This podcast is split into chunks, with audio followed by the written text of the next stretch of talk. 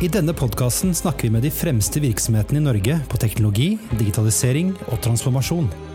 Hva skal til for å lykkes, og hvordan går man frem? Du lytter til Teknologi og mennesker, en podkast av Athea og Oslo Business Forum.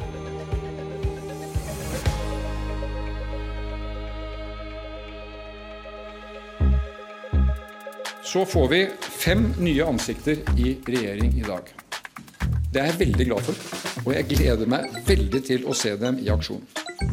Karianne Tung er vår nye digitaliserings- og forvaltningsminister. Kunstig intelligens gir enorme muligheter, men krever kunnskap, styring og regulering.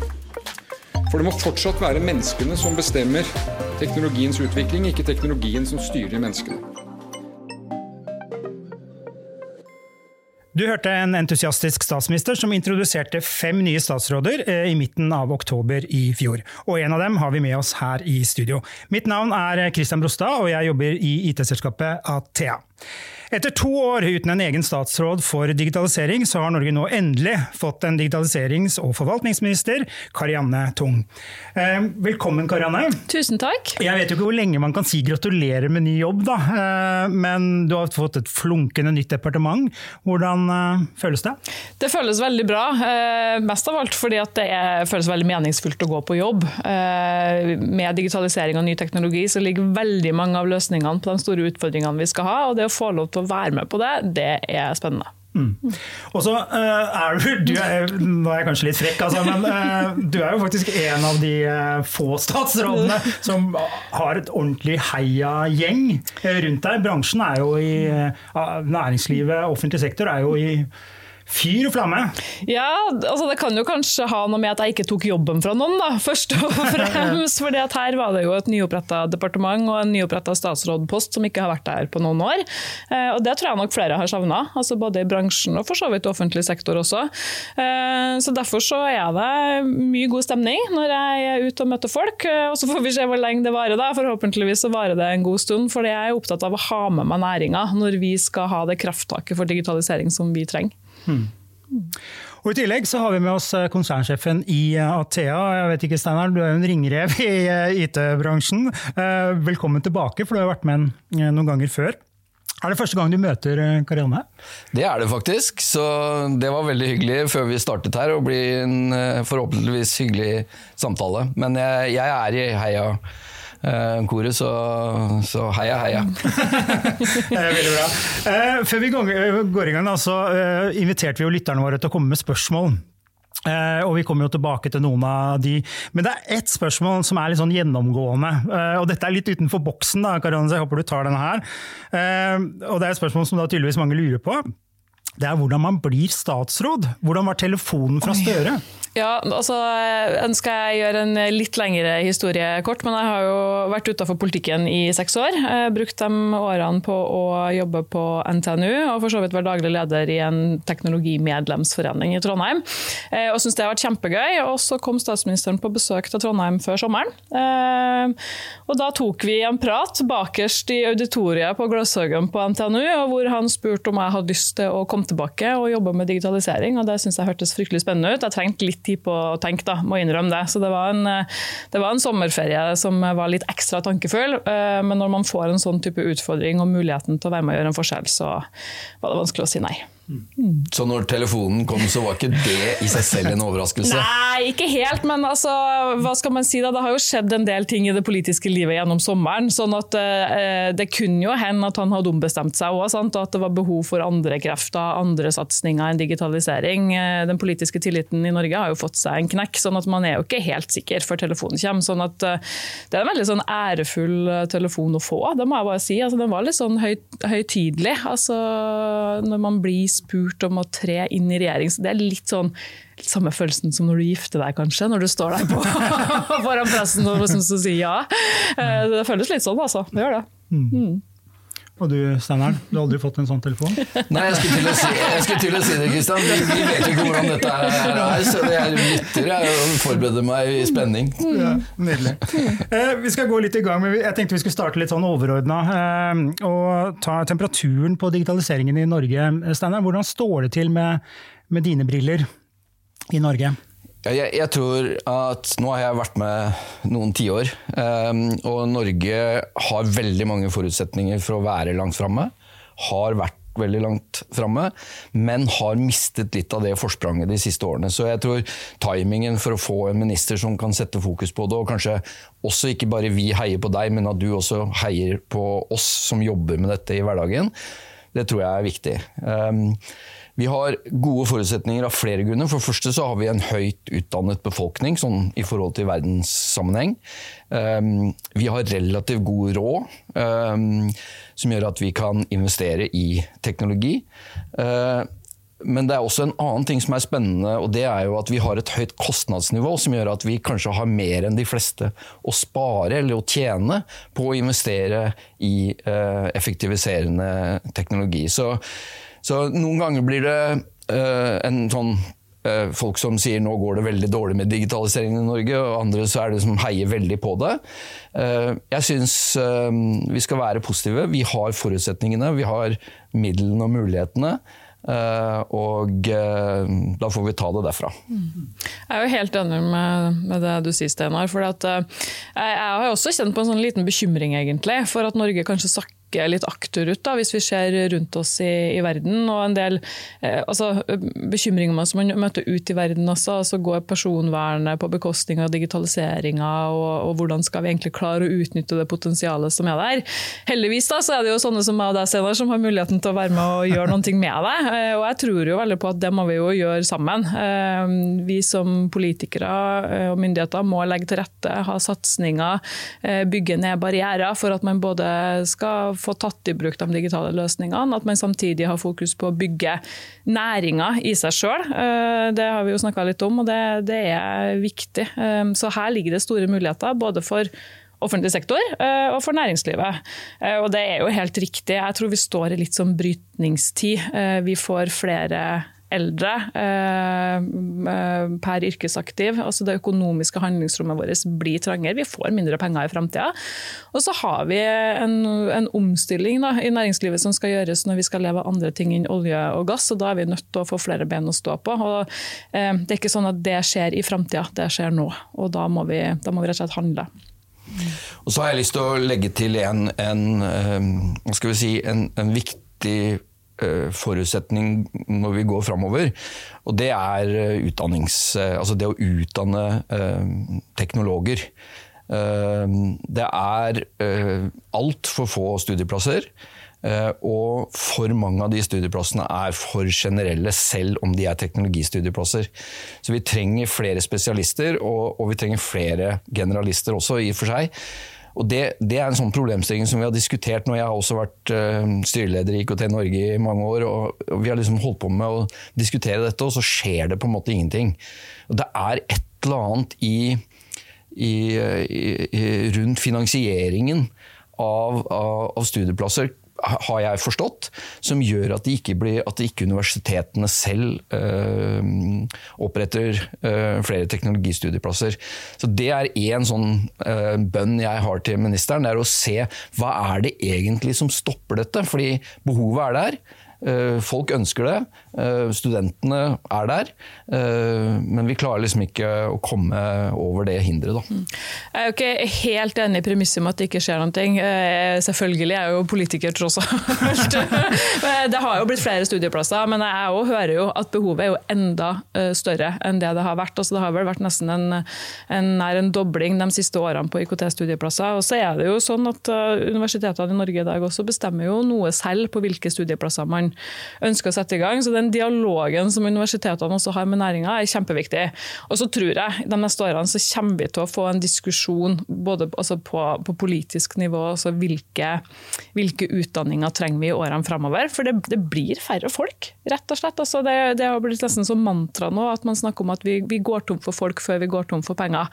Eh, og hvilke eh, yrker man da skal bruke de folkene vi tross alt har inn i i framtida, det tror jeg kommer til å bli en av de store diskusjonene diskusjonene. Altså man, man, peker jo sant, på sykepleiermangel, det grønne skiftet krever folk. altså Bare det at vi står i en geopolitisk spenningssituasjon gjør at Forsvaret trenger folk. og da koker det også ned til at vi er nødt til å ta i bruk teknologi, da, eh, der vi faktisk kan ta det i bruk. Og så må vi bruke folkene der det blir viktig å ha folk. Og den eh, ressursknappheten, eh, også på folk, den tror jeg vi, vi, vi kommer til å møtes og diskutere igjen på hvordan skal vi gjøre det, faktisk. Ja, og jeg tror teknologien for å løse en del av de utfordringene kan vi snakke mer om, men teknologien for å løse en del av disse utfordringene er her, eller kommer til å komme. Og komme, Den teknologien kommer til i stor grad til å bli utviklet et annet sted enn i Norge. Og Det vi må bli verdens beste på, det er å ta den teknologien i bruk. Og Det er der jeg tror at tilbake til hvor jeg sier at jeg håper du kommer til å heie på, på oss som jobber med IT i Norge. Um, fordi det er her den teknologien skal tas i bruk. Um, den kommer til å bli utviklet. Vi kommer til å snakke om AI, vi kommer til å snakke om sikkerhet, vi kommer til å snakke om alle mulige eh, former for teknologi. Den er her eller kommer. Men vi må bli best på å ta den i bruk. Ja, Det tror jeg skal love. At, eh, at uh, velge norsk det er også et mantra for meg. Og det er jeg opptatt av. Å, å klare å bygge norske næringer ut av den, den, den, muligheten vi har. Og da handler det om å se hele verdikjeda, egentlig, som du er inne på også. Sant? Fra utdanning til, til, til næringsliv. Mm. Mm. For første gang så har vi fått et eget departement mm. innenfor digitalisering og forvaltning. Eh, hvorfor det, og hvorfor nå? Altså Det er 20 år siden man oppretta et nytt departement sist, så det er ikke noe man gjør uh, hvert år uh, og hver dag. Uh, det er jo en spennende jobb i seg sjøl. Og så tror jeg nok liksom timinga som vi har snakka om, da, altså med ChatGPT som har kommet, bevisstheten rundt AI er større enn en noen gang. Og når statsministeren nå ønska å opprette et eget departement, så var det for å sikre mer samordning, politisk styring egentlig over digitaliseringspolitikken. fordi fordi man ser at man med digitaliseringspolitikken trenger å tenke på en litt annen måte også, på tvers. Vi er jo veldig sånn sektorstyrt i Norge. Eh, så alle statsråder er jo digitaliseringsministre. Altså helseministeren har ansvaret for at eh, sykehusene og helse- og omsorgstjenesten tar det i bruk. Kommunalministeren har det, kunnskapsministeren har det. Eh, men det ligger noen barrierer og noen utfordringer som går på tvers av det her, og som vi er nødt til å løfte, løfte sammen. Og det er jo der jeg har fått et særlig ansvar. Og det kan jo handle om alt fra ulike sektorer, men også måten vi eh, budsjetterer på, hvordan vi ser på digitalisering som samfunnsøkonomisk lønnsomt, hvordan er det vi skal fordele overskuddet, hvordan skal vi sørge for produktivitetsvekst. Altså, her er mange mange spennende ting som, eh, som vi kan få lov til å diskutere. Da. Og Departementet i det er jo helt sentralt. Og så er det jo sånn at eh, Jeg har jo fått ansvaret for digitaliseringspolitikken, men jeg har også ansvaret for eh, forvaltninga. Altså hvordan er det egentlig vi skal rigge offentlig sektor, staten, på en best mulig måte. Mm. Sånn at tjenestene blir gode. Og så har jeg også arbeidslivspolitikken. Og det er klart at du får jo nå en mulighet til å se digitalisering, forvaltning, arbeidsgiverpolitikk i sammenheng. Og det tror jeg er litt sånn nytt nyttig verktøykasse å ha da, når vi skal få til det taktskiftet. Mm. Hva slags uh, makt og gjennomslag er det departementet altså, Vi kommer litt tilbake til dette på, mm. fordi vi har hatt politi i stolen, vi har hatt Nav i stolen uh, osv. Ingen er jo helt fornøyd. Uh, hvilken makt har du? Kan du si at sånn skal det være på tvers av uh, alle departement? Altså det, jeg tror at det handler på mange måter om å fylle, altså finne fellesnevnere. Vi kan jo ta, altså bare bruke digital infrastruktur da, uh, som et eksempel. Uh, der har jo selvfølgelig bredbånd viktig, og der er det jo det ansvaret ligger under meg. for det er jo Alle offentlige etater skal jo på den infrastrukturen og bruker jo den infrastrukturen. og Det handler også for befolkninga sin del om å gjøre internettet tilgjengelig, hvis man kan si det. Men det kan også handle om alltid Altinn og ID-porten og den, eh, de digitale byggeklossene som flere tjenester er helt avhengig av. Og så tror jeg at det handler om å se ting i sammenheng på en sånn måte at når Nav kommer med sitt digitaliseringsprosjekt, politiet med sitt eller sykehusene med, med sin, så er det greit å ha et litt sånn overordna blikk på å se ok, men hvis dere gjør sånn, eh, kanskje kan noen andre ha effekt og nytte av det dere også gjør. Kanskje er det unødvendig at man bygger opp en digital løsning for fullmakt eh, to ulike steder, både i Nav og i skatteetaten eller hvor det nå måtte være hen. Eh, og Den type samordningseffekter, da, der har vi mye mer å gå på, tror jeg. Og Så handler det litt om overordna føringer også, f.eks. om AI. Da. Ok, Hvordan skal offentlig sektor ta det i bruk? Mm. Og dette skal vi jo jobbe mye med. Vi skal jo ha en helt ny digitaliseringsstrategi og, og mye i året fremover. Hvor jeg eh, allerede har vært mye innspillsmøter med, med næringa og andre, og som jeg håper, håper, aktørene også involverer seg i og stiller høye forventninger til. Mm. Hva er dine tanker om et nytt departement? Er du glad? Ja, ja absolutt. Og, øh, altså, først og fremst så tror jeg at det er viktig at politikerne har ett talerør eller en bro da, til bransjen. Eh, men også til det offentlige som skal ta i bruk det bransjen har å tilby. Så det å ha et sted å, å diskutere ting, det tror jeg uh, har vært uh, sterkt undervurdert. Da. Og Derfor er jeg veldig glad for at vi har fått uh, et sånt brohode inn i, i, politikken. Så jeg har veldig stor tro på at det Og så må vi jo ikke bli for utålmodige, for det, det tar tid. og og offentlige sektor um, uh, sin IT- eller digitaliseringsplattform i dag er, er altså det er enormt uh, hvor stort det er, så du kan ikke liksom bare snu og endre på det. Men, men det å kunne ha uh, et diskusjonspunkt, um, det kommer til å gjøre en stor forskjell. Og jeg tror det kommer til å gjøre at vi i bransjen kan hjelpe politikerne til å forstå bedre en del av problemstillingene. Mm.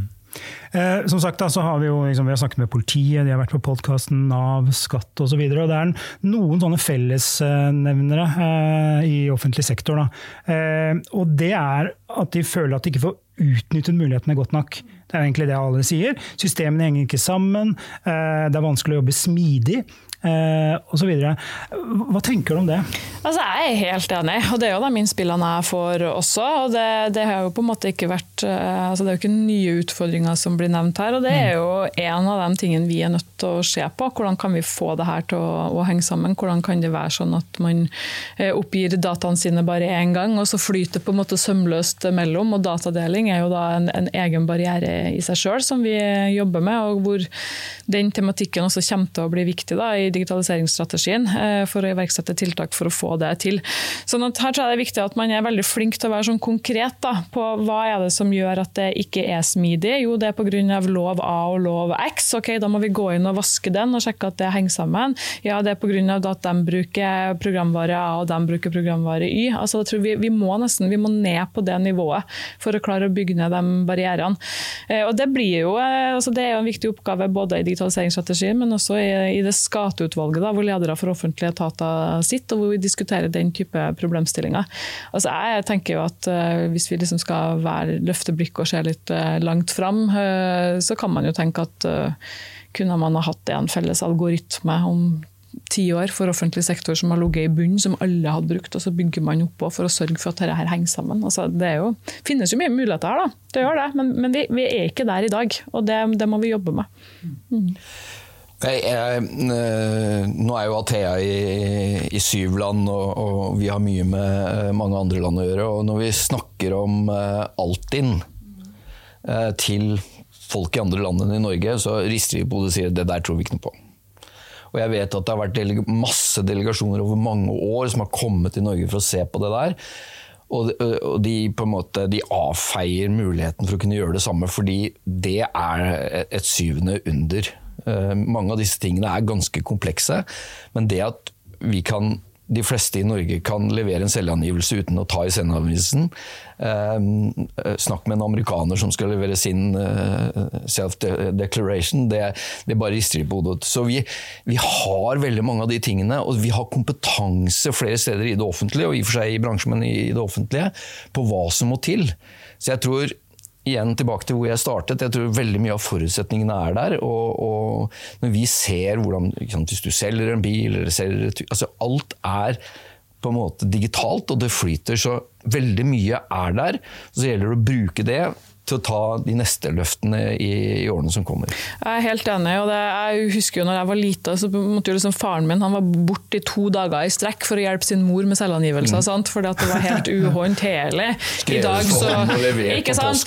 Ja, I litt sånn uforståelig håndskrift. og ja, så Det var under at ting egentlig gikk bra. sånn sett, og, det, og Der er jo ikke vi i dag i det hele tatt. Sant? Når dattera mi vokser opp, så er, hun, hun kommer nesten aldri til å gå inn og sjekke den en gang omtrent. fordi at alt er så automatisert da, og digitalisert komplisert. og Det er jo det vi må ta utgangspunkt i. og Der jobber vi jo også nå med Altinn, som jeg mener er et godt eksempel. for Det, det er en utfordring at, at lyset slukkes for Altinn om, en, om, noen år. så Der bevilger vi jo nye penger på, på å bygge opp det nye Altinn for å sørge for at det blir enda bedre, enda sikrere, og at flere kan ta det i bruk. Så Det, det er jo disse byggeklossene vi må lete litt etter, sånn, sånn at du får eh, tatt ut effektiviteten i offentlig sektor da, eh, i årene framover. Og da må det jo gjøres på en sånn måte at det er brukervennlig for innbyggerne. At det er intuitivt og at det er enkelt å, eh, å få tatt i bruk. For det handler jo om at alle skal med i bruken av de tjenestene òg, at ingen skal stå igjen på, på utsida. Og da, da, må det være så enkelt at du ikke tenker over det, sånn som selvangivelsen har blitt på mange måter. Det er morsomt. Jeg, min sønn har akkurat kommet tilbake eh, etter mange års studier i USA. og Når han skulle begynne å studere, som er altså ja, jeg tror det er seks-syv år siden nå, så var jeg med han over, reiste over, og da måtte vi i banken i filialen for å få opprettet konto. og Da fikk han en sånn mappe med masse forskjellige ting, og inni der så lå det noe rart som het sjekk som han jo da aldri hadde hørt om i sitt liv. Fordi det må du bruke for å betale strøm og den, altså den type ting. Da. Så legger du en sjekk i en Sånn som jeg husker at jeg gjorde når jeg eh, begynte å betale mine første regninger eh, i Norge. Sånn at vi må huske at vi har kommet langt. Men jeg tror at det som, når bransjen sitter og skriker og vi sier at vi kanskje nå ikke utnytter mulighetene, så er det fordi at alle de tingene vi nå snakker om som er bra i Norge, som vi har gjort digitalt, det skjedde for 10-15 år siden.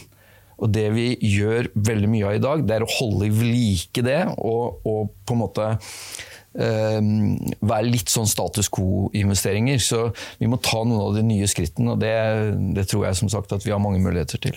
Hvorfor jeg utfordrer deg Steiner, på når du sier liksom vi har stått litt sånn status quo. Er det mentaliteten det har skjedd noen ting med? Det er investeringsviljen? Altså det, hvor ligger liksom hemskoa for at det har blitt sånn? For det er noe med å forstå uh, bakenforliggende årsakene at, at det, er sånn, så at vi kan gjøre noe med det.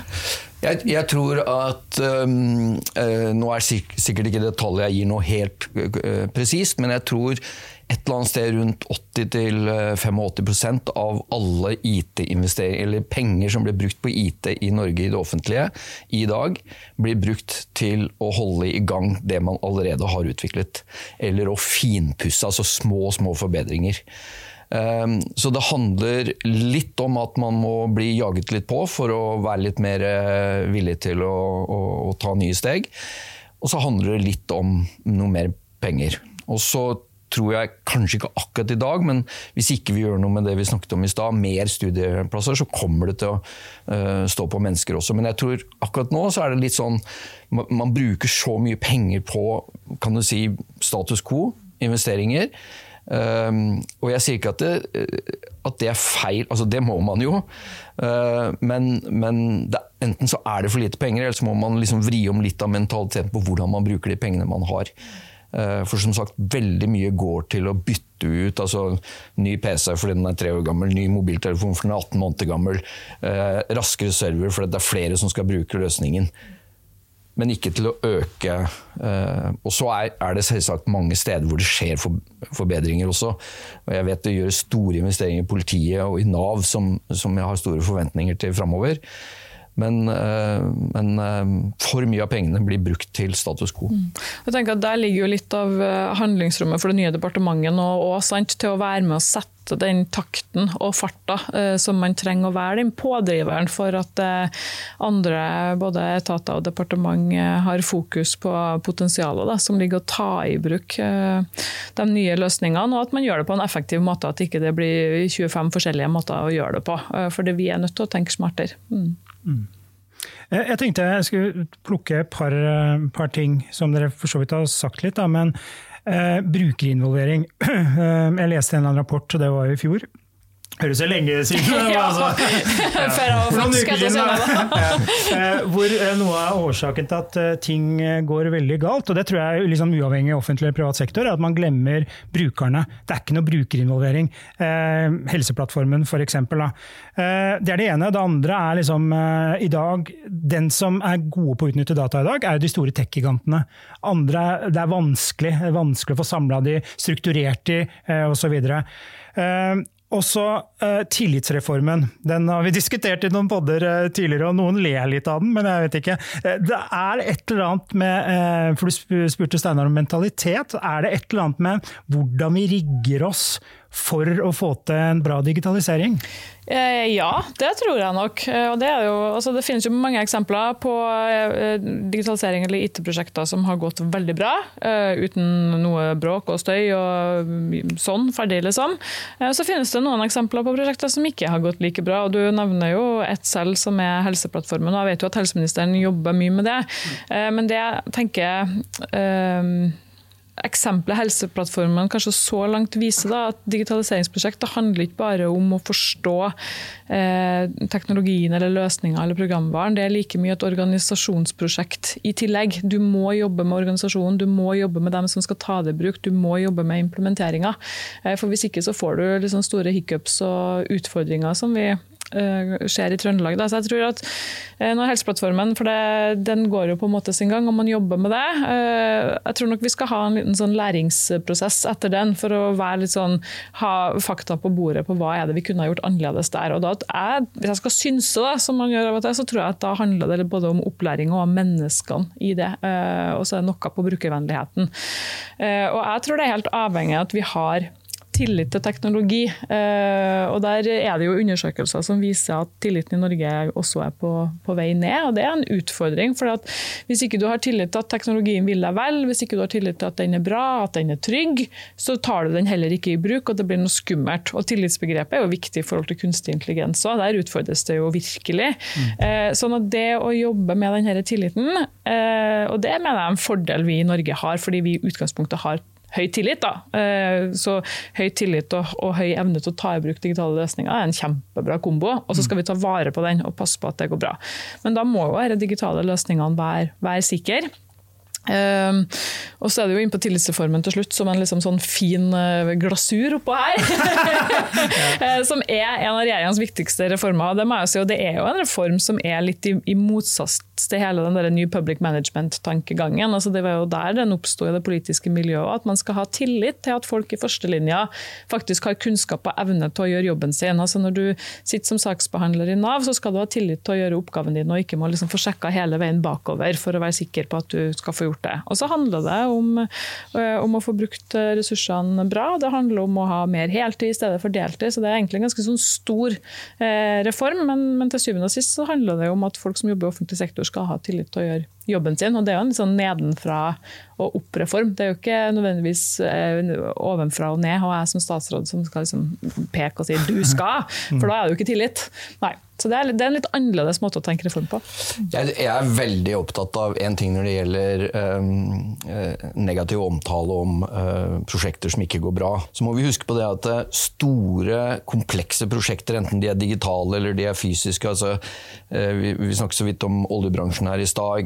Det har gått galt med et og annet prosjekt der. Det har gått galt med en og annen tunnel og et annet operahus osv. Altså, disse komplekse prosjektene er, må vi ha respekt for også. Og hvis vi slakter de som har vært med på et prosjekt som ikke gikk bra, så blir det vanskelig å få folk til å ta risiko og ta eh, komplekse oppgaver i framtiden. Eh, jeg kan love både ministeren og alle lytterne at eh, du har ikke lest eller hørt om det siste IT-prosjektet som gikk galt, og ikke det, ikke det, det vil være prosjekter utenfor IT-sektoren nå som, som, kommer til å gå galt. For sånn, sånn er det.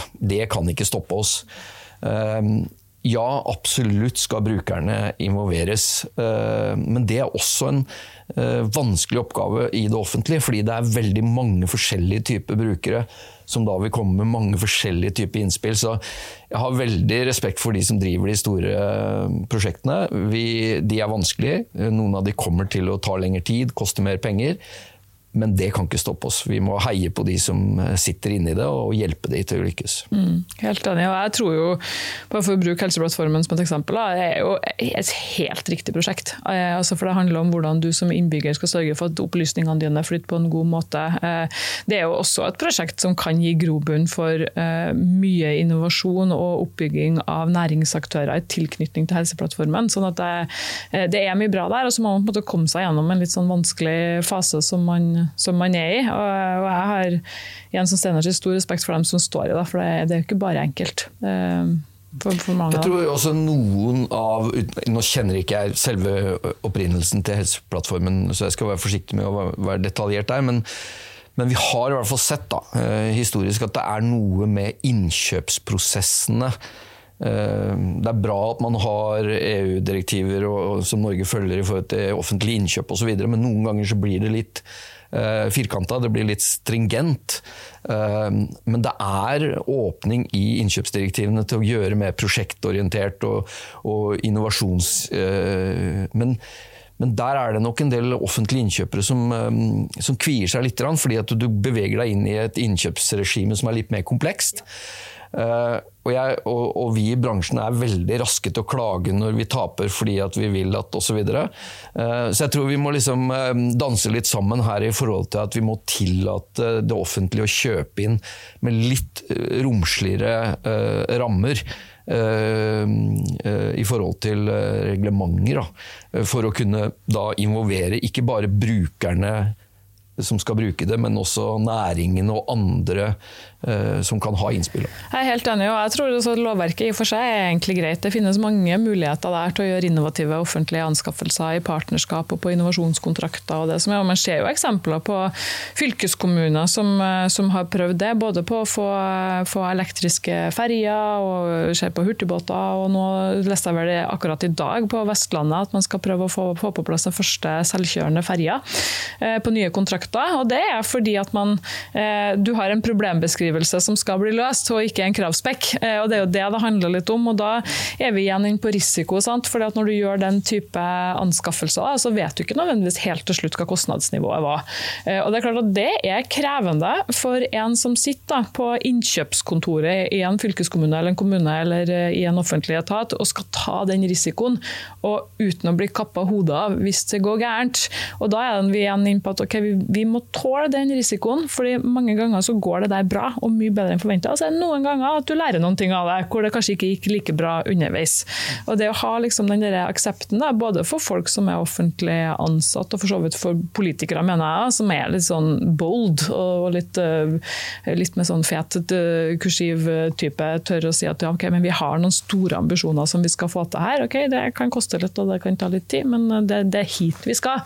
Eh, det har jeg sansen for. Da må vi ha litt romslighet til hverandre, da. Hvis jeg får lov til å ta bitte litt styringen her, Kristian, så har jeg lyst til, siden vi nå snakker om, vi nå snakker om um, offentlig innkjøp, eller metodikk og, og, og regelverk for offentlig, offentlig, innkjøp, så har vi jo nå i bransjen og vi i Athea også uh, i veldig stor grad kjempet for å få nye retningslinjer for offentlig innkjøp når det gjelder bærekraft, altså miljø. Uh, og, og, det har kommet. Det som er utrolig viktig, er at du og, og de som er satt til å ha oppfatninger om dette, passe på at det ikke blir en, en sånn subjektiv blæ, blæ, blæ-greie, men at man virkelig bruker de retningslinjene til å, til å mm, presse det offentlige til å bruke den store muskelen som de pengene som de, som de kjøper for, eh, er, til å, å påvirke de, ikke bare IT-bransjen, men, men liksom alle de offentlige innkjøpene som skjer. Fordi nå har vi fått muligheten gjennom det rammeverket som, eh, som, er på plass. Så jeg håper virkelig at det blir brukt, og at, eh, at f.eks. når man gjør et uh, stort innkjøp, og, og, det er en bærekraftsforventning i det, at man sjekker at det faktisk er sånn, og at selskapene oppfører seg som de skal, sånn at dette ikke bare blir en, en, en, en tekst. Mm. Nei, men Det er en veldig god oppfordring, jeg er helt enig. Altså det, vi, man gjør jo ikke sånne endringer for at det bare skal stå på papiret. Det er jo fordi det skal få konsekvenser i virkeligheten, tenker jeg. Mm. Vi må litt videre, for vi kan jo ikke ha en podkast uten AI. Det er jo oh, mulig i 2024. Eh, NHO hadde jo sin årskonferanse eh, denne uken. Eh, og Der la de fram en eh, undersøkelse som sier noe om eh, hvor hvor mange virksomheter som bruker AI-verktøy. Og så kan man jo være et AI-verktøy, da. Men én av fire eh, norske virksomheter eh, gjør det, og rundt halvparten av dem igjen eh, svarer at de har en strategi for AI, eh, eller at de er i gang med en strategi. Lave tall men så prøvde jeg å finne globale tall, faktisk, og det finnes jo. 36% er tilsvarende tall, med forbehold om at de har undersøkt det samme. I Kina er det 58, men nå skal vi ikke diskutere Kina, for det er en annen historie. Er du bekymret for at det føles at det går litt sakte da, innenfor AI? Nei, altså jeg er ikke bekymra. Uh, fordi jeg tror at uh, på samme måte som bærekraft kommer inn og vil gi mange norske bedrifter et konkurransefortrinn, så tror jeg også AI gjør det. Men det krever jo at man jobber systematisk da, og har en plan for hvordan man skal ta det i bruk, og hvilke effekter det skal gi for deg som bedrift. Og jeg synes jo Det er veldig interessant at NHO har fått laga den kartlegginga. Så ser jeg at det kritiseres litt om tallene for verdiskapningspotensialet er riktige eller ikke. Men jeg tenker det er i hvert fall et tall, og det er i hvert fall en kartlegging som jeg tror også er med å øke bevisstheten eh, mm. på at her er det viktig at vi henger med, og det er viktig at vi tar det i bruk. Og Ambisjonen til NHO er jo at eh, de tallene skal være dobbelt så høye neste år. Eh, og Det skal jo jeg gjøre mitt for at vi er med å støtte opp under. For det, man ser jo at AI gir store muligheter. Altså Hvis du spesielt kobler det mot helsevesenet, så blir det jo brukt på sykehus i dag som hyllevare for diagnostisering av beinbrudd. Det er et kjempeverdensgjennombrudd brudd for, eh, for um, hvordan man analyserer proteinfoldinger, som igjen kan bli brukt i legemidler, mm. kartlegging av Alzheimer osv. Eh, jeg tror AI også kommer til å være viktig for oss i de næringene som er tett på naturressursene. og så Vi ser det på energisida, på hvordan du kan bruke AI både på beslutningsstøttesystemer, for hvordan du effektiviserer og optimaliserer energiflyten. Så det, det, det ligger fryktelig mange muligheter, og så skal vi være obs tenker jeg, på de utfordringene som ligger i det òg. For det er ikke bare rett frem, og det er ikke bare enkelt. Og vi får nye utfordringer å diskutere. Altså bare et bilde som er generert av AI som du ser i en reklame. altså Du skal helst vite at det er AI-generert og ikke et virkelig menneske. Du må stole på det du ser. Vi er inne på tillit igjen.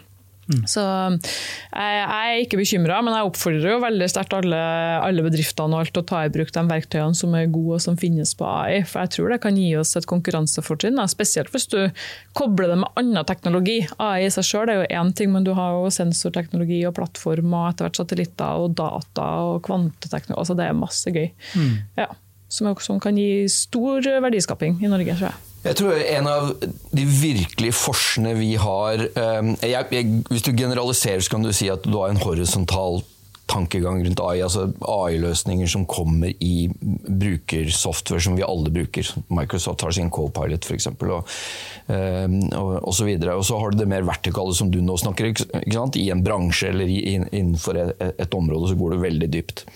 Og i offentlig sektor i Norge, fordi vi er uh, styrt veldig mye offentlig, så har vi data tilgjengelig på en måte som veldig få andre land i verden har. Altså, du har data om en person fra fødsel til, til død. Uh, uh, innenfor utdanningssektoren så kan du følge liksom, i veldig lang uh, strekk av den for, for, ungdom som vokser opp. Sånn at vi har dataene tilgjengelig som ingen andre, eller veldig få andre, har. Sånn at det å lage den type vertikale AI-løsninger for å finne problemstillinger og kunne løse de i offentlig sektor i Norge, burde, altså det ligger øh, det, er, det er en no-brainer. Jeg tror at det er der politikerne skal konsentrere seg. Hvordan kan vi følge f.eks. Øh, folk som blir arbeidsløse? Hvordan ser det løpet ut? For vi har dataene på alle som har meldt seg inn til Nav siden tidenes morgen, f.eks. Eller de som får en viss sykdom, eller de som velger en viss type utdanning, eller som bor et visst sted i landet. Eller, altså, hvor er disse sammenhengene? Og så kan eh, big data, AI, kan på en måte knuse dette på en helt annen måte enn noe annet sted i verden. Og så får vi i det private uh, deale med våre utfordringer, og jeg tror det kommer til å eksplodere de neste tre til fem årene, bruk av AI. Jeg er ikke så bekymret for at tallene er litt lave nå. Jeg tror faktisk flere bruker det enn det mange av de som svarer vet.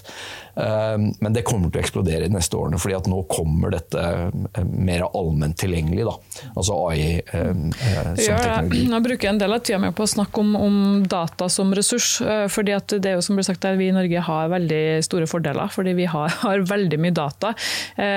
og det er litt sånn, Hvor, hvor mange dataekvivalenter får du på et oljefat? på en måte? Altså det Vi er litt der hvor den verdien blir like stor for oss som det oljeressursen er, fordi vi har rett og slett de dataene. og det, I framtida tenker jeg det må være sånn du, du skal ikke søke om barnehageplass, den skal bare bli tildelt deg. fordi det er jo registrert at du har fått et barn, og den barnehagen skal på altså, Det skal liksom bare gå av seg selv. Eh, og mange, også, barnehage er jo én ting, men eh, det er jo veldig mange andre tjenester du, du får bruk for. Sånn at eh, det, det, ligger store muligheter her altså, på hvordan eh, vi både kan, kan, frigjøre arbeidskraft til at det kan bli både sømløst og, og brukervennlig. Og Da krever det kompetanse, da, som egentlig Steinar var inne på i starten. Vi må ha folk som skjønner teknologien og som vet hvordan vi skal ta den i bruk.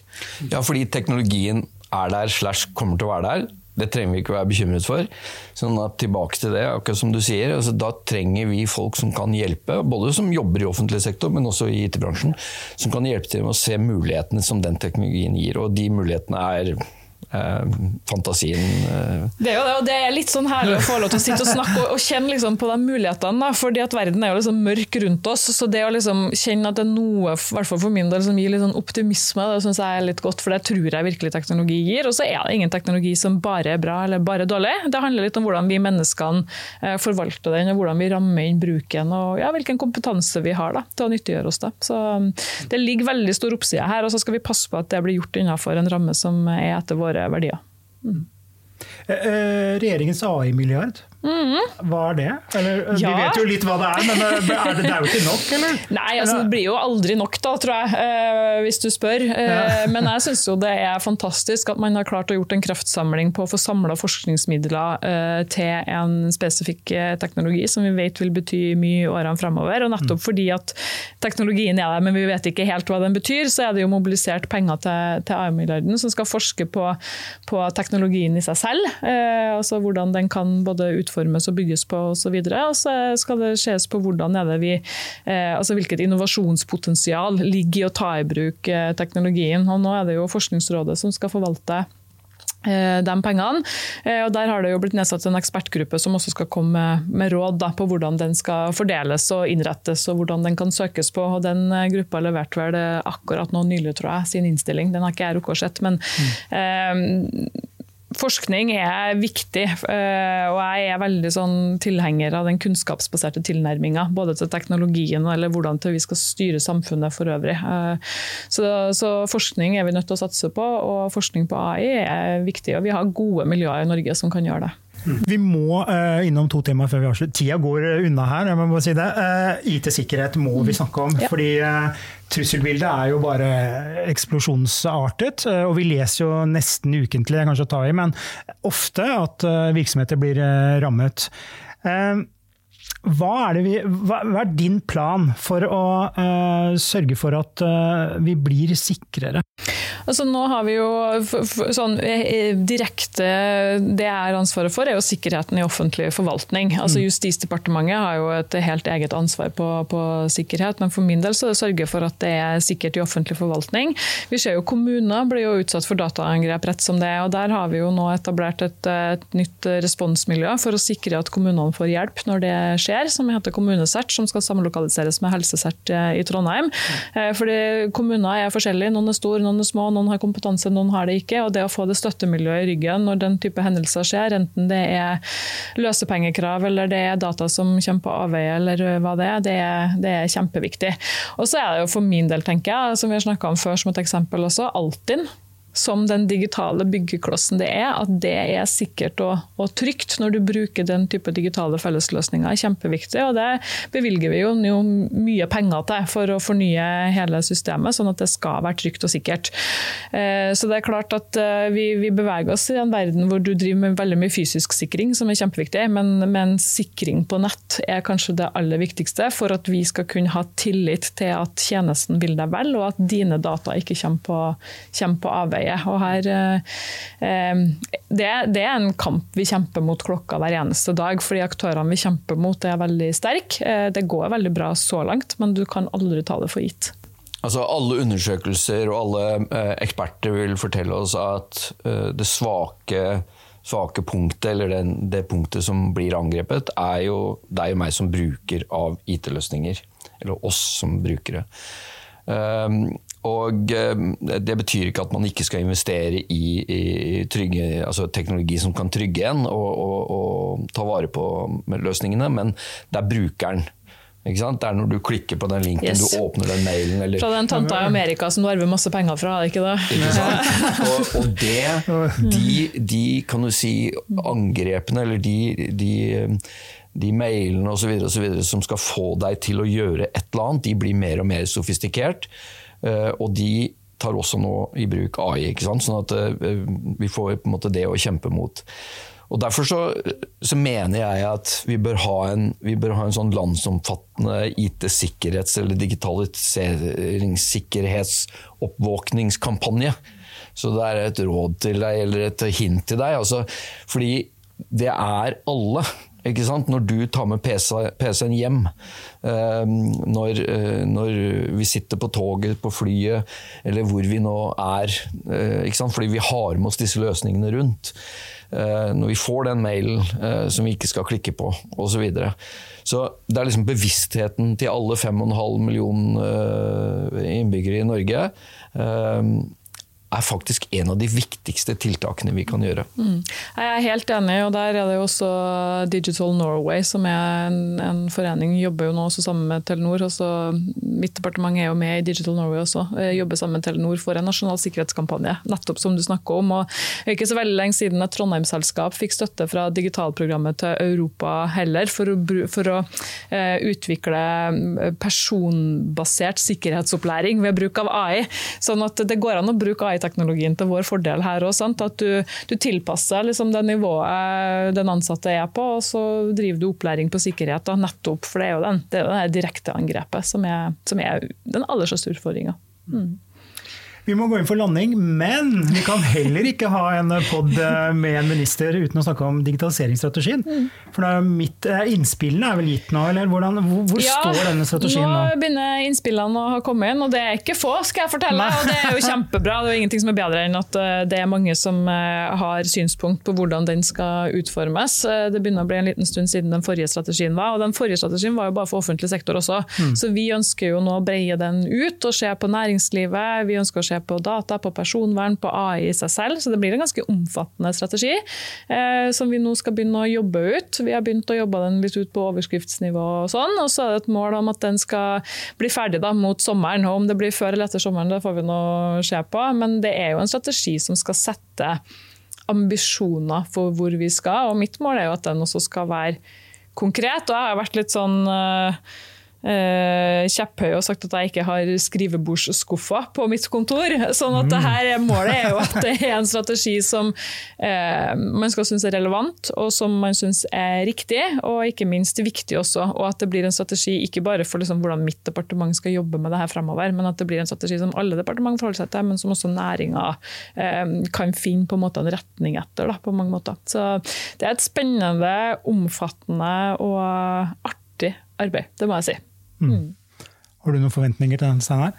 Det har jeg absolutt, og vi har jo som du vet Kristian, gitt eh, et ganske tungt eh, innspill, dvs. Si mye, mye, mye tekst eh, eh, som innspill. Og mm, jeg vet at hele, altså grunnen til at du får mange innspill er fordi bransjen har store forventninger til, til hva som skal komme ut av det. og eh, men igjen, ikke sant? jeg som vi startet med, eh, er jo generelt positiv. Og, og jeg er helt sikker på at strategien vil, selv om noen vil peke på svakheter med den når den kommer, så vil den inneholde mange riktige ting. Så, så la oss på en måte samles om å heie på de. Og så kan man alltid eh, fikse litt på ting uh, underveis. Men uh, eh, det at Norge får en, digitaliserings, en ny digitaliseringsstrategi, kan jo ikke en som har vært med i norsk IT-bransje så lenge som jeg har vært, gjøre noe annet enn å heie på. Ja, bra. Eh, Nydelig. Da må du komme tilbake til dere, Karianne. For å Gleder snakke meg til om det. den. Ja. Eh, Karianne, Steinar, tusen takk for at dere kunne være med, og tusen takk til deg som har lyttet på.